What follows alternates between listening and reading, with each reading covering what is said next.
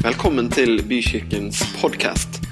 For mer informasjon om oss cvvvbykirken.no.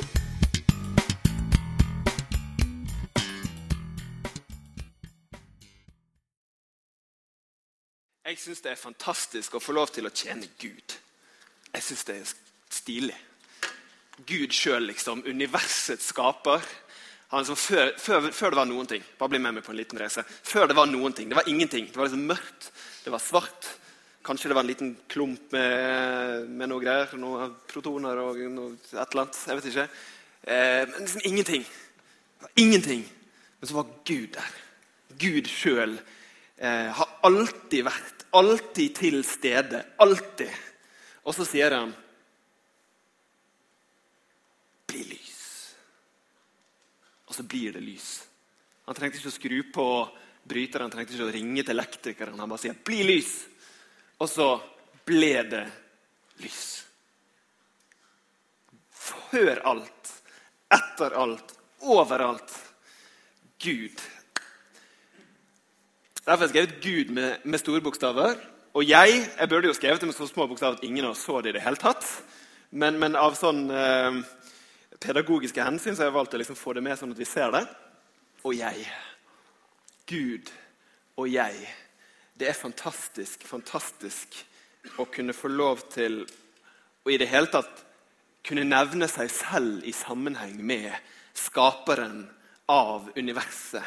Og at han er til stede her. Bryr seg om noen som har flyttet fra verdens beste by til Østlandet bryr seg om oss. Gud og jeg. Og Det er liksom innledningen til hele greia. At han skaper mennesket. Han skaper deg, han skaper meg. Og så puster han sin ånd inn i oss, som gir oss livet. Wow. Jeg skal fortelle deg en liten ting, og det er at uh, du som sitter her i dag, du kan få lov til å være med og forkynne i dag. Og Det kan du gjøre på flere måter. Du kan være med og nikke når du syns noe er veldig bra. Det er, å dra det veldig langt i Norge. Du kan nikke litt sånn, og så kan du si 'ja, det var fint'. Og så kan du si 'amen' da, hvis du er veldig karismatisk og gikk i kirke på 90-tallet. så kan du si 'amen'. Hvis du gikk på 60-tallet, så kan du si 'abba'. Hva 'abba' betyr? Far. Pappa. De hadde noe bra den gangen også, på 60-tallet. 'Abba', sa de. Når de var noe som var veldig bra. 'Abba!' Kunne du høre noe Abbarykk kalte vi det for. Kalte vi det for de det for, får jeg nesten si. Jeg var litt for liten til å egentlig huske det her. Høres ut som jeg er veldig voksen nå. liksom. Jeg begynte å få litt grå hår, så da kan jeg liksom tillate meg å snakke om forhistorien som om jeg var der. Men, eh, men, men det er noe bra vet du, med å plassere Gud høyt oppe, samtidig som så utrolig nær som en far er for sine barn. Yes. Bra, bra, bra. Når man bestemmer seg for å bli en kristen, altså følge etter Jesus, si ja til Jesus og hele den pakken som det innebærer, så handler det om å si ja til at Gud er stor, og at jeg er liten. Det er det man egentlig liksom bare innrømmer. At jeg er for liten, og Gud er stor. Eh, men en annen ting er at du også samtidig blir med på et løp. Du blir med på et oppdrag, og du får et kall. Du får et oppdrag om å følge etter Jesus. Følge etter han. Og så får du et annet oppdrag å prøve å få andre med seg på denne reisen. Følg etter meg, for han jeg følger, han er fabelaktig. Så du kan være et forbilde for andre mennesker fordi at du følger etter en som er above all. En som er fantastisk. Så da kan vi få lov til å være menneskefiskere. En som fisker mennesker inn på den veien som vi går. Så vi har fått et mål, vi har fått et løp, vi har fått et oppdrag og et kall og en retning for livet. Uansett hvor du er, om du er en rørlegger, om du er en sykepleier, om du er en ingeniør, om du er en prest, eller om du er en plage, eller om du er Altså Uansett hvor du er i livet, om du er lege på sykehuset, om du er ufør altså Uansett hva slags situasjon du skulle stå i, så er du kalt.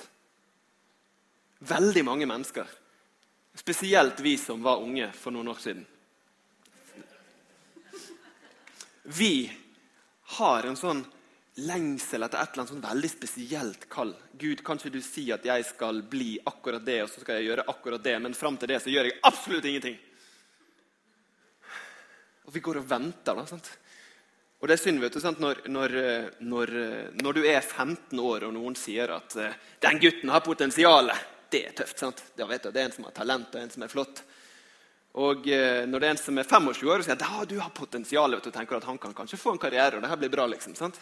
Men når du blir 50 år, 60 år og sånn, ja, han, han hadde potensial.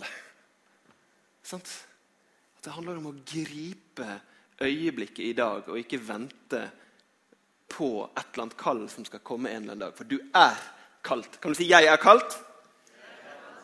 Det er kaldt Nei, det er det ikke. Sant? Jeg er kalt, og jeg vet hva kallet er. Sant? Det kallet er å følge Jesus. Det Det er det vi er kalt til. Så kan Gud, Hvis Gud har et veldig spesielt kall, så skal han sørge for å si det til deg. tror jeg. Så får vi i mellomtiden gjøre det vi gjør til daglig, og så bare gjøre det på en måte som vi kan gjøre Gud stolt av. Nederst på bildet så er Hans Majestets Kongens garde. Det er ganske stramme karer. Er det noen som har vært ute utenfor Slottet og sett på dem? Ja? Ikke så mange som har vært i hovedstaden. det er jo langt inne, vet jeg. Eh, men, men, eh, men, der inne står de. De står veldig flotte. Veldig stilige og stramme. Og når de bytter om sånne vaktskift og sånn, så Og hele den rekken der. Sant? Og med gevær og hele greia. Og, og de har liksom full kontroll, og de er så stramme. Men realiteten er jo at seks-syv måneder før så er det de gutta øverst på der. Det der er de samme gutta. Sånn, da har de på seg en helt annen uniform og oppfører seg helt annerledes. Ikke sant? Det som har skjedd i mellomtiden der, det er følgende At de har blitt trent, og de har blitt ikledd en uniform. Og så har de fått et oppdrag. De har fått et oppdrag om å beskytte kongen. Noe som er større enn seg selv. Og de får lov til å være med på det. Ikke det at den enkelte betyr så stor forskjell, jo, det er akkurat det de gjør. Den enkelte som står på posten sin, kan bety liv eller død for kongen sjøl. Så jeg, han der nede, de der oppe, de lever ikke for så mye annet enn seg sjøl. Tør jeg påstå. Bare sånn. Den seremonien der handler om meg selv. Ikke sant? Mens den seremonien her nede den handler ikke om meg selv. Der er jeg selv blitt liten, og noe annet har blitt stort. Og se hvor vanvittig stilig. Har dere sett på sånn militærtattoo på TV? Når de liksom driller og herjer. Og... Det er jo så vanvittig stilig. Og det er fordi at de gjør noe for en større hensikt enn bare seg selv. Og Gud vil, vet du, når vi er kalt til noe større, noe fantastisk, så vil han at vi skal ha overskudd til dette kallet. Han vil ikke at vi skal gå rundt her og være sånn her og Det er så mange unnskyldninger til å ikke tjene Gud. Jeg har så utrolig mange av dem.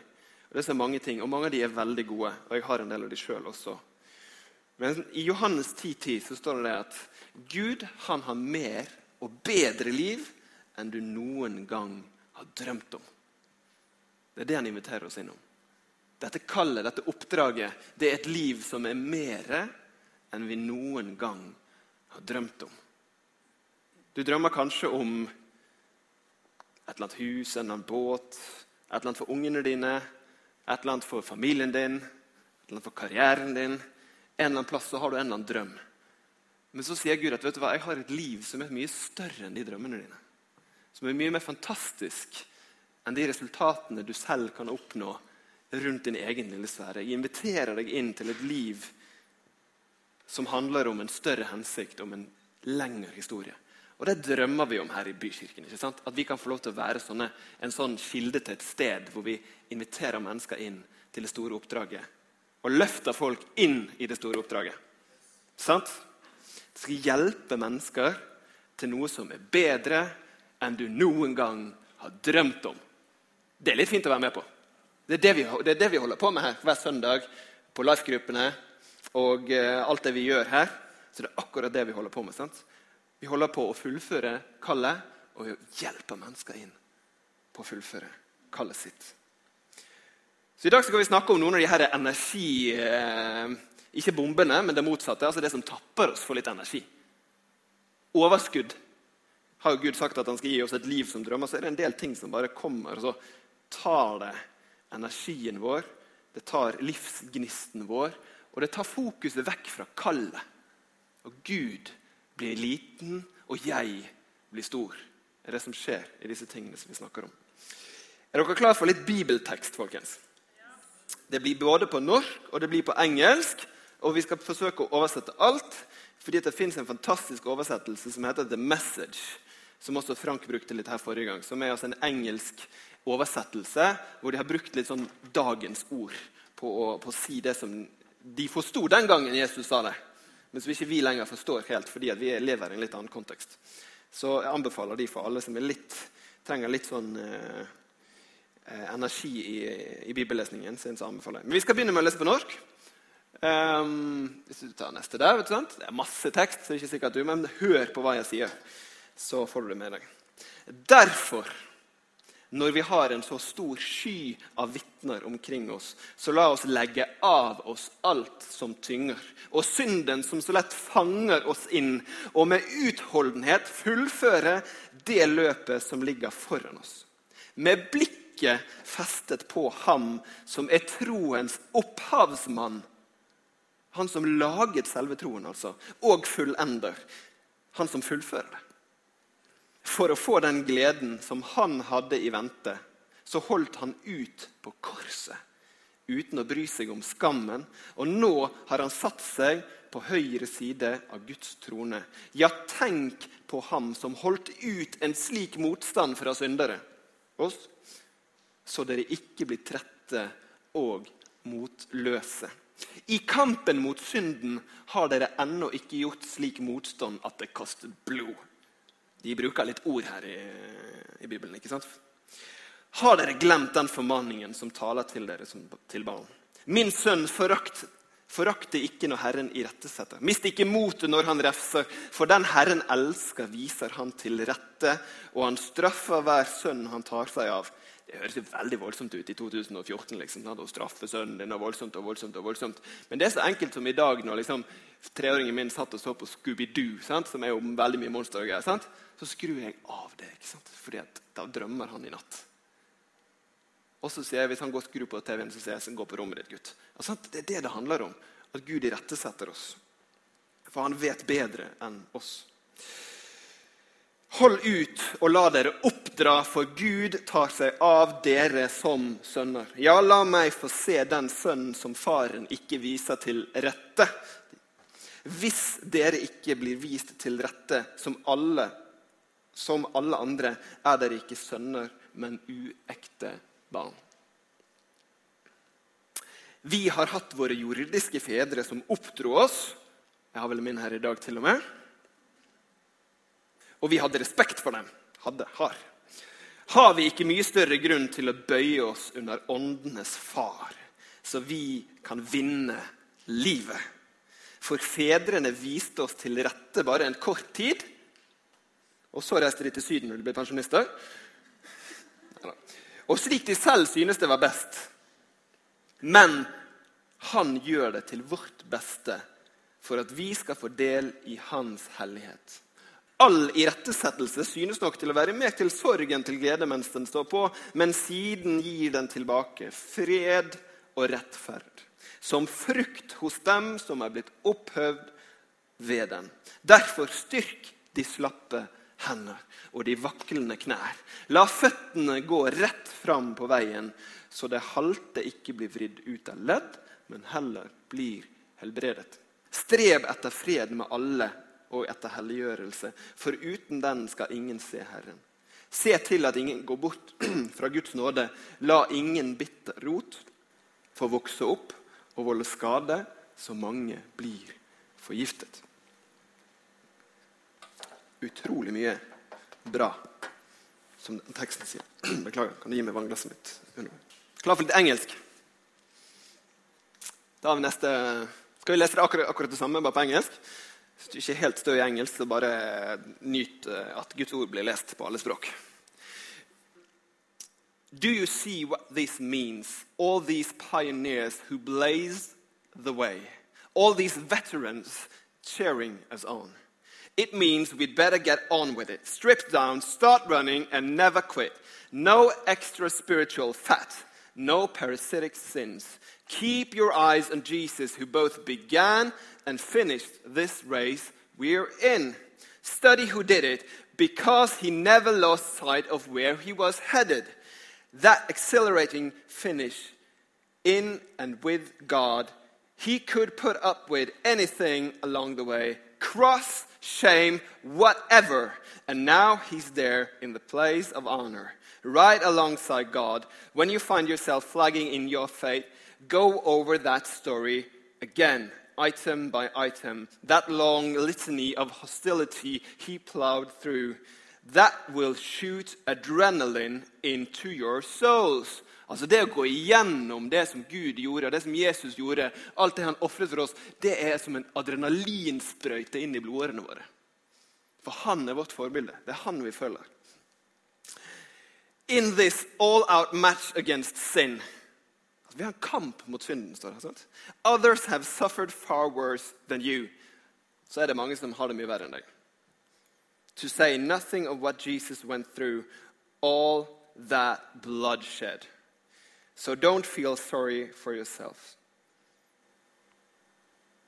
At the time, discipline isn't much fun. Discipline, det moro. It always feels like it's going against the grain.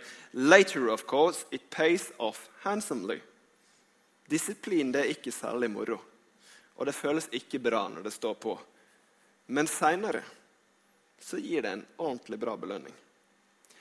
For it's well trained For it's the well trained who find themselves mature in the relationship with God. So don't sit around on your hands. Ikke sitt rundt på hendene dine. Det er ganske bilde. No more dragging your feet. Clear the path for long distance runners, so no one will trip and fall, so no one will step in a hole and sprain an ankle. Help each other out and run for it. Work at getting along. Nei.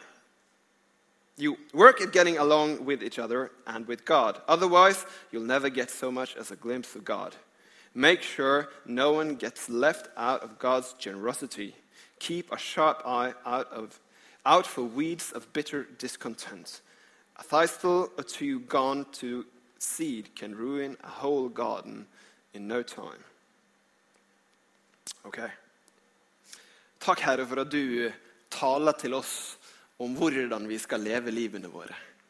Det er ikke bare en distansert bok som ble overlevert med noen hemmelige koder, men at du gir oss verktøy til å leve hverdagen vår hver eneste dag, Herre.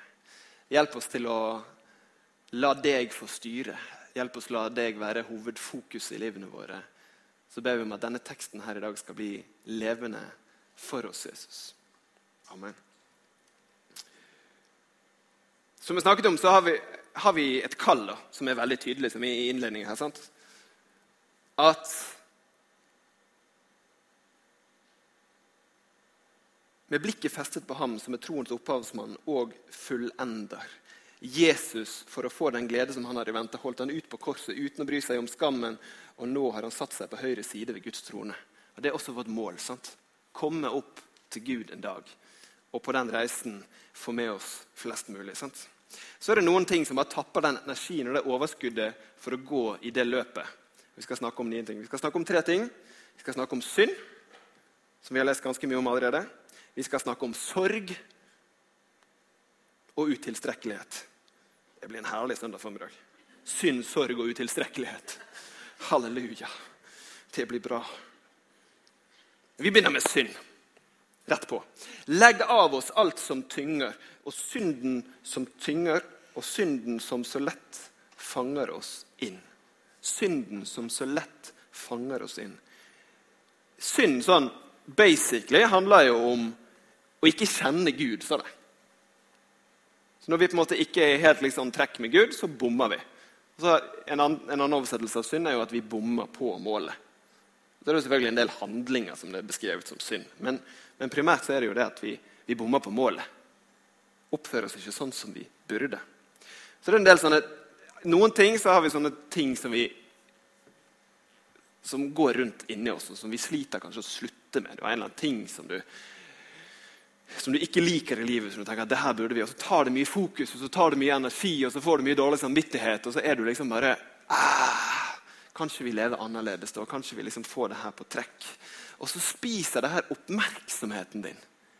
Så blir denne synden og ditt eget forhold til dette så stor at Gud faktisk begynner å bli litt liten. For Gud han hjelper ikke meg med dette her, og jeg går her, og så, og så faller jeg igjen, og så er jeg utafor, og så ah, går vi der og snubler. Så blir vi liksom gående her, så blir vi møkkete i asken og alt den elendigheten der.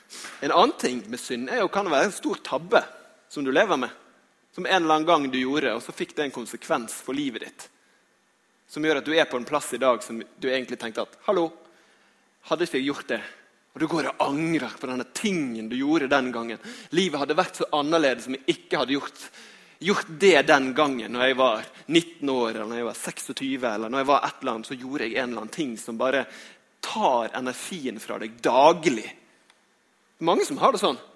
Mange som har ting i livet som er arr og som er spor, som tar fokus og oppmerksomheten vekk fra Gud. Og Noen går og kjenner på skammen. ikke sant? Skammen av å mislykkes, skammen av å ha gjort dette foran alle. Alle vet det, og alt er elendig med meg, og jeg vil ikke, og jeg kan ikke. og Det er bare forferdelig grusomt. Jeg prøver ikke å spøke med dette, her, så dette er helt ting som alle oss på et eller annet nivå sliter med. Fordi at vi har blitt opplært at det er så mange ting vi ikke skal gjøre som er helt riktig. Men så glemmer vi at det handler om å leve sammen med Gud. Og Gud han har sagt det i Jakob 4,8. Hold dere nær til Gud, så skal han holde seg nær til dere. Vask hendene, dere syndere. Rens hjertene, dere som har et delt sinn. Altså, det handler om blikket vårt. Hvor har vi vår oppmerksomhet? Jo, vi holder oss nær til Gud og gir Gud vår oppmerksomhet, så blir synden mindre viktig. Fordi at, og da kan vi heller leve i helliggjørelsen. Jeg kommer tilbake igjen til en liten sånn engelsk oversettelse av det samme. So let God, God God's work God, Let God works, work his will in you. Yell a loud no to the devil. Altså, rop et høyt nei til djevelen. På norsk så blir det noe sånn som det her. at Rop et høyt nei til djevelen og se han forsvinne. Men si et stille ja til Gud. Så er han der umiddelbart. Det står i Jakob 4, 7. Sant? Si et stille ja til Gud, så er han der umiddelbart. Så jo mer jo gir du Gud lillefingeren, så tar han hele deg. På en god måte. Så hvor retter du din oppmerksomhet? Så står det senere at bli seriøs, bli virkelig seriøs. Kom deg ned på dine knær foran mesteren. Det er den eneste måten å komme deg på beina. Så den eneste måten å komme seg på beina, det er å komme seg ned på knær. Det fins masse sånne paradokser som Gud presenterer. fordi at Skal Han få lov til å gi oss styrke, så må vi faktisk vise vår svakhet til Han. Herre, her er jeg med alt det jeg er. Og Jeg vil at du skal ta dette her, og så vil jeg at du skal bare bli stor. Jeg har lyst til å glemme det. Jeg fikser ikke livet. Og det er derfor jeg faktisk kaller meg en kristen, for at du er stor, jeg er liten. Jeg får det ikke til. Du får det til. Hold alltid blikket på Han. Hold alltid blikket på Han. Det er et budskap om frihet fra synd og frihet fra det du ikke vil. Frihet til å leve for en større hensikt, å leve et liv som er større enn du noensinne har drømt om. Sorgen. I vers 15 så står det at 'la ingen bitter rot få vokse opp'. Eller På engelsk så står det 'keep a sharp eye out for weeds of bitter discontent'. Altså Hold øye med alle disse tingene her, ugresset som vokser opp, og som har lyst til å ta oppmerksomheten din i livet. Og så plukker du det vekk. Har du sett de som har sånne fine hager? Jeg får alltid litt sånn angst. Jeg syns det er litt vanskelig. Vi, nå, vi har flytta inn i sånn nabolag. vi nå. Nabolag, Litt sånn Wisteria Lane for de som har vært sånn. Ikke fordi det er så fint og Porsche, liksom. ikke sånn i det hele tatt. men fordi at der er det sånne nabokoner, og de prater sammen. Og jeg kom hjem med Olivia her en dag, så satt liksom Camilla her og snakket med nabokonen og drakk kaffe. Og liksom, sant? og du vet, du vet åssen det der går. Og når du ser hagen, sant? så får man sånn her, å, litt sånn angst. Sant? Men du ser de som er flinke til å plukke ugress de får fine hager. Resultatet av å jobbe med de her litt sånn dumme tingene, det er et flott resultat. Akkurat som hagen. Sorgen. Sorgen blir veldig ofte en bitter rot. Sorg kan være veldig mange ting. Sorg kan være et tap. Det kan være noen som går bort. Det kan være noen som drar fra deg. Det kan være kjærlighetssorg. Det kan være omstendighetene som ødela. Det kan være sykdommen som gjør at du blir hemmet fra å gjøre alt det du egentlig ville gjøre. Vi har mange ulike sorger i livet på ulike plan. Dette er ikke noe sånn sorgterapi-greie, men, men, men vi har sorg på ulike plan i livet vårt. Og Gud sier at det er ok. Men så sier han, midt i all vår nød, sier Paulus i 2. Korinterne 7,4, at jeg er blitt rikelig trøstet og har overflod av glede midt i all nød. Når Gud blir stor,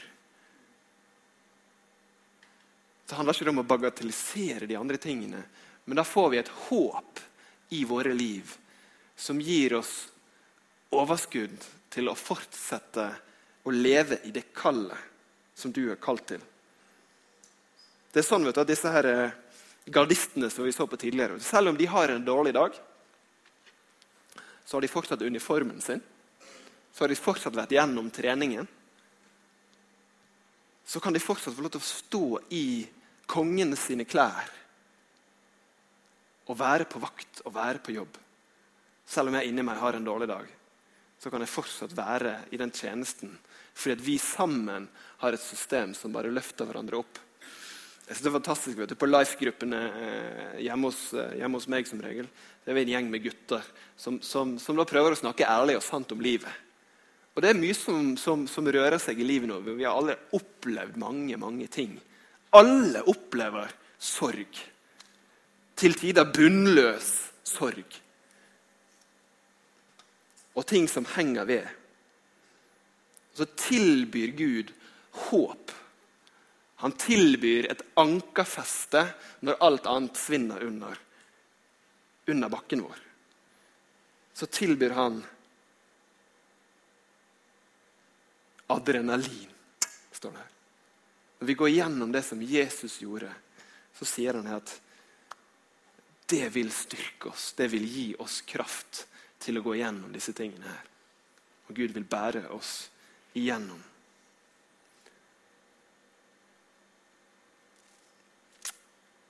Utilstrekkelighet. Her går vi fra herlighet til herlighet og kraft til kraft.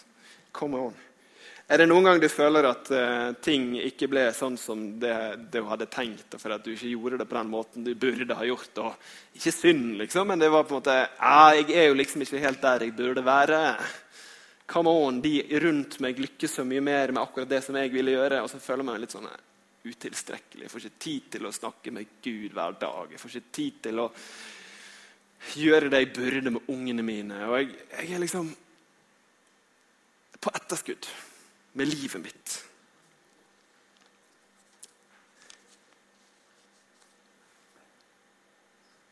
En sånn følelse av utilstrekkelighet. Den tror jeg er utrolig mange som i liksom AS Norge går og føler på. da. Når vi ser på alle rundt oss, så er det alltid noen å sammenligne seg med som på et eller annet plan gjør det så mye bedre. Og Problemet vårt er at vi sammenligner oss da på, med det beste nivået av alle sammen. Han som har den beste økonomien, samler vi pengene våre. Han som er best pappa, sammenligner vi liksom pappagreiene med. Han som er best til å spille gitar, spiller vi liksom Så sammenligner vi med liksom høydene av alle tingene som det vi ser rundt oss. Noe rart vi blir utilstrekkelige. Vi, vi, vi samles med idrettsutøvere når vi skal liksom løpe maraton. De løper jo liksom to timer eller hva det er for noe på sånn maraton. Og jeg klarer jo ikke å løpe tre kilometer rundt i skogen hos meg. Så sammenligner vi oss på alle områder. Men det er ganske mange ting jeg er mye flinkere til enn han der eh, som løper 4,2 mil på to timer. For han har ofret ganske mye andre ting for å komme dit. Ikke sant? For å løpe dette løpet. Så det handler om å hjelpe hverandre. Hjelpe hverandre i forhold til denne utilstrekkeligheten. Også at vi kan da få lov til å styrke de slappe hender og de vaklende knær. som det står. Og så kan vi holde blikket festet på Jesus. Fordi at det står det at han har både begynt dette løpet, og så har han fullført det. Det er for slags løp, da. Han har både begynt det og fullført det. Det handler ikke om din og min tilstrekkelighet. Det handler ikke om det. Det handler ikke om hva jeg fått til. Jeg får bare lov til å være med på en reise og la han få styre. Og når Gud blir stor og jeg blir liten, da løper vi. Da er vi med. Da kan vi få lov til å være med på et liv som er større enn vi noensinne har drømt om. Overskudd til livet. Overskudd tross synd, tross sorg, tross utilstrekkelighet, tross alle de tingene som slår oss i ansiktet, tross når livet gir deg et spark der det, der det gjør aller mest vondt så tilbyr Gud en pakke med overskudd. Og i dette her så tar han deg ikke alltid bare ut av alt, liksom. men i det så gir Gud overskudd. Han gir energi. Han har gitt din sin ånd og gitt deg mulighet til å være en del av den store planen og den store hensikten og overskuddet. Når krisen møter deg, ikke alltid det er en stor krise, men en liten krise, så hvordan takler man en krise? Man takler kriser mye bedre jeg skal ikke snakke om akkurat selve krisehåndteringen, men det som skjer før krisen møter deg. Fordi at Hvis du har bygd deg opp overskudd før krisen møter deg, så har det så mye lettere for å komme seg igjennom på andre siden. Krisen er like stor. Alt møter oss like tøft. Så hvis du har en bygget deg opp energi i de syv gode årene, så er det mye lettere å møte de syv vonde årene etterpå. Og Hvis du samtidig står der sammen med andre, så kan du få lov til det. Jeg har noen sånne helt sånn konkrete ting som jeg prøver å jobbe med i livet mitt for å skape overskudd. Investere i Nei, ikke For å skape overskudd. Og det er et par veldig sånn konkrete ting. Og jeg tenker det at Skal man liksom, Gud bli stor, så må man jo få en eller annen form for oppmerksomhet fra meg. Det handler liksom om tiden min, og det handler om å få Guds ord inn i livet sitt. Og jeg tror vi alle skal bare strekke, og Der kan vi alltid bli bedre. Og Det handler ikke om å bare prestere, men det handler rett og slett om å prioritere og tenke hvordan kan jeg i min hverdag få inn noen ting. Jeg er en type, jeg kjører mye bil og tar en del tog. Er det Noen andre som gjør det? Kjører litt bil? Kjører tog? Ja, bra, bra. Eh, så jeg fant ut at hvis jeg Jeg kan faktisk høre på Guds ord i bilen. På toget. Jeg kan høre på Guds ord, jeg kan høre på en podkast en tale. Jeg kan, høre, jeg kan faktisk høre Bibelen opplest også. Search på Google, så finner du det. Og Du kan høre på lovsang. Du kan bli faktisk løftet opp gjennom dagen på input som du bestemmer deg for skal være positiv istedenfor negativ. Og Det å komme i hverdagen og fylle sånne drypp av Guds ord, av mening, av hensikt, det gir overskudd til det livet og til det løpet. En annen ting som veldig ofte stjeler energi, som jeg har lyst til å nevne inni her, siden vi fikk tid til det, det er, det er penger. Veldig mange av oss vi, vi, har så mange tanker rundt pengene våre, økonomien vår, og så strekker vi det, så strekker vi det, og strekker vi det. En veldig konkret ting som jeg har lyst til at du skal være med på. For jeg tror at vi, vi alle kan bruke pengene våre til å velsigne. Vi har kalt til å være mennesker som velsigner, og har overskudd også på det, det planet. Ikke noe sånn herlighetsteologi over det her. Også. Hør på dette herlighetsteologiske ordet. Budsjett. Kan alle si budsjett? budsjett. vet du. Jeg vet at alle ikke er laget for budsjetter. Altså. Det er Excel og det er liksom opp og ned. Og men, men, tenk da på de, når de investeringene du gjør. Sant? Planlegg at vi har overskudd i økonomien vår. Tenk så fantastisk å kunne få lov til å ha rom til å velsigne mennesker. Til å velsigne Kirken, til å være, til å ha det overskuddet. Det gir et overskudd i livet. altså. Når du planlegger det du gjør med tanken på at vi har litt igjen, folkens. Vi har litt igjen til å dele ut, til å gi. Jeg brukte ikke opp alt på meg, men jeg lot noe være igjen til de andre. Til å velsigne, til å la Gud bli stor, og til å la andre mennesker bli løftet opp. Så kan vi få lov til å være med på det.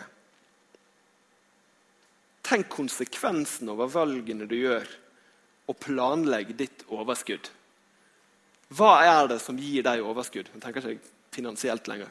Men hva er det som gir deg overskudd? Vi har alle ting, ulike ting som gir oss overskudd.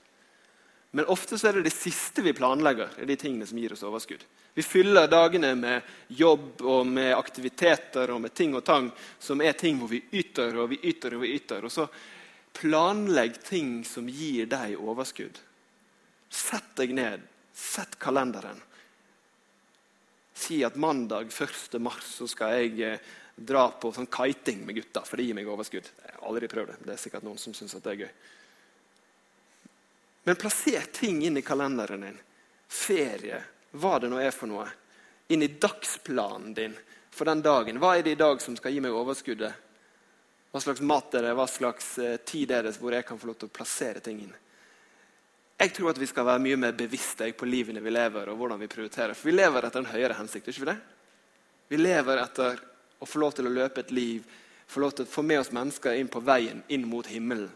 Og det er et ekstremt seriøst budskap som Bibelen har til oss om å rett og slett prioritere ham. La ikke synden, sorgen og utilstrekkeligheten ta overhånd, for Gud har kalt oss uansett. Og dette er en del av løpet, og han er med midt i alt. Fest blikket på han, bøy kne og reis deg. Jeg får lovsangerne opp på scenen her. Det er så fint med lovsang. Du kan få lov til å reise deg, du også, hvis du vil. Så Det handler egentlig rett og slett om å la Gud bli stor. Han som er universets skaper, verdens frelser, som er overalt han som har gitt deg livet, han som bryr seg om lille deg, om lille meg. Han er så stor, men samtidig så nær. Det handler rett og slett om å få perspektiv på det vi går igjennom, og få overskudd til gjennom alt å leve i det kallet som Gud har gitt oss. Det siste jeg skal si gjennom det her, det er å være åpen. I den katolske kirken så har de skrifting, hvor du får lov til å komme og si til noen. Veldig mange av oss vi bærer på ting inni livene våre som kveler oss. Jeg tenker bare Finn noen mennesker og del livet ditt med. Del det du har på innsiden, så er det så fantastisk å få lov til å være Bare, bare det å ha delt det er bare av og til noe som bare tar ting vekk fra skuldrene. Du føler deg mye lettere. En annen ting er at når man deler ting, du, så er det faktisk andre mennesker som har opplevd ganske like ting som deg. Ganske like ting. Vi er ganske like som mennesker. Det er veldig bra.